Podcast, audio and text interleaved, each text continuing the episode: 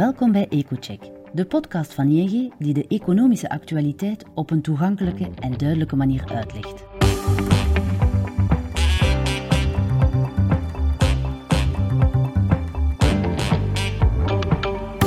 Om de twee weken buigen onze economen zich over de meest besproken gebeurtenis en analyseren zij de economische en financiële gevolgen voor u of uw onderneming.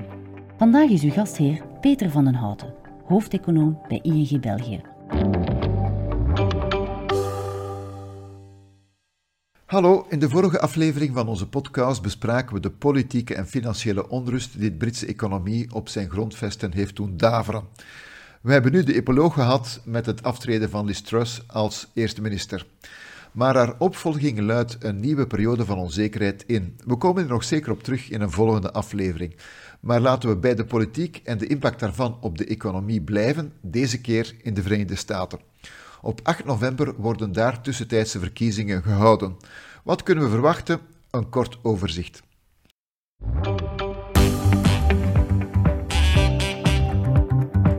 We luisteren naar de analyse van Peter.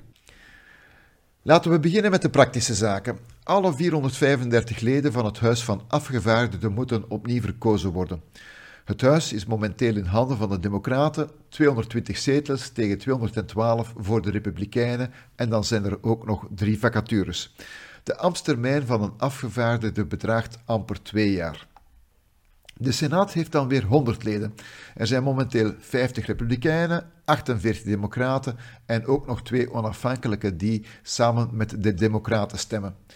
Vicepresident Kamala Harris, een democraat, krijgt de beslissende stem in geval van een padstelling. Dus de Republikeinen moeten kost wat kost een zetel winnen op de Democraten om de Senaat te controleren in de komende jaren. Elke senator dient een termijn van zes jaar, maar om de twee jaar zijn er verkiezingen voor ongeveer een derde van de senaatzetels. Op 8 november worden 35 senaatzetels vernieuwd, waarvan 21 door de Republikeinen en 14 door de Democraten worden aangehouden op dit ogenblik. Je merkt al, de Democraten riskeren bij deze verkiezing minder zetels dan de Republikeinen, wat de kans dat ze de controle over de Senaat behouden verhoogt.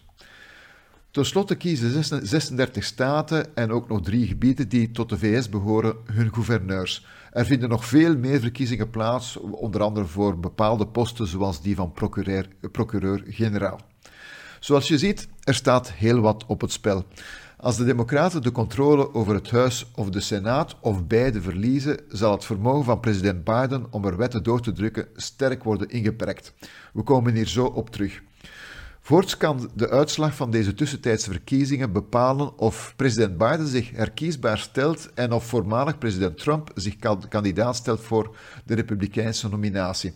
Inderdaad, bij de Democraten groeit het aantal leden dat vindt dat Joe Biden zich in 2024 nog eens presidentskandidaat moet stellen. Ten slotte zullen de verkiezingen van 8 november ook gevolgen hebben voor het, de klimaatagenda van Biden. Een gedeeltelijke of volledige republikeinse controle van het congres zal onvermijdelijk moeilijkheden opleveren voor de uitvoering van de belastingprikkels voor hernieuwbare energie en andere klimaatmaatregelen die, deze, die de regering wil invoeren voor de volgende presidentsverkiezingen. Wat zeggen de peilingen? De kiezers maken zich momenteel grote zorgen over de toestand van de economie, de stijgende kosten van levensonderhoud, de stijgende rente en de dalende activa-prijzen.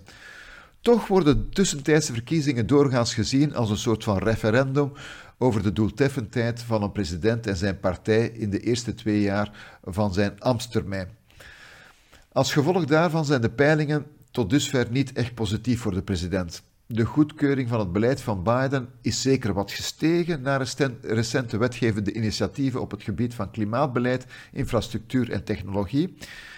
Het standpunt van de Democratische Partij na de stemming in het Hooggerechtshof om, de grondwettelijk, om het grondwettelijk recht op abortus af te schaffen heeft ook bijgedragen tot een hogere waardering van de president.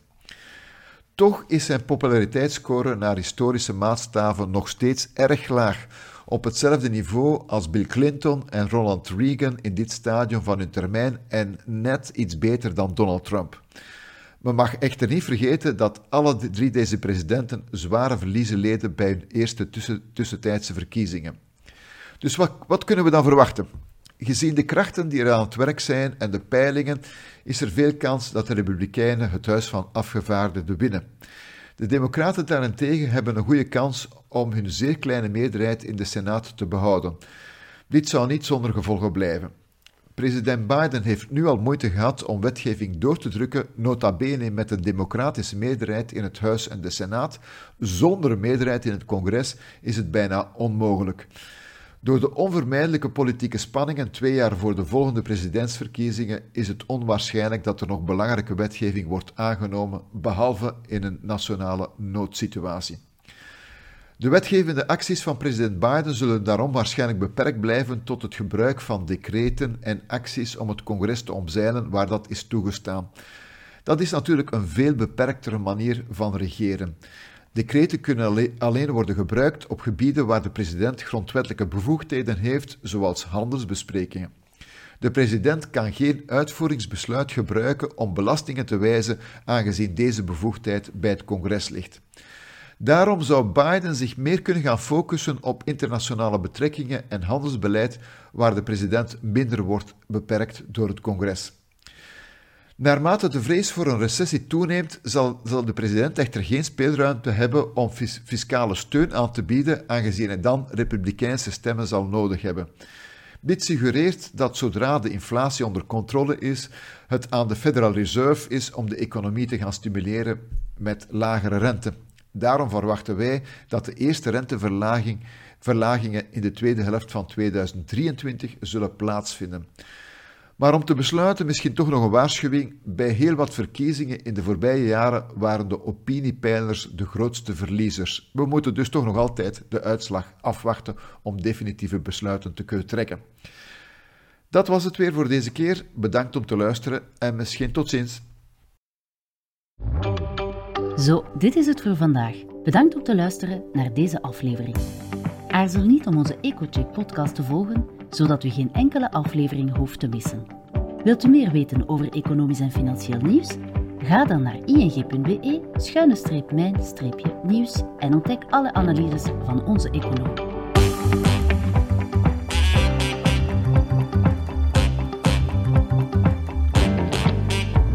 Graag tot de volgende aflevering.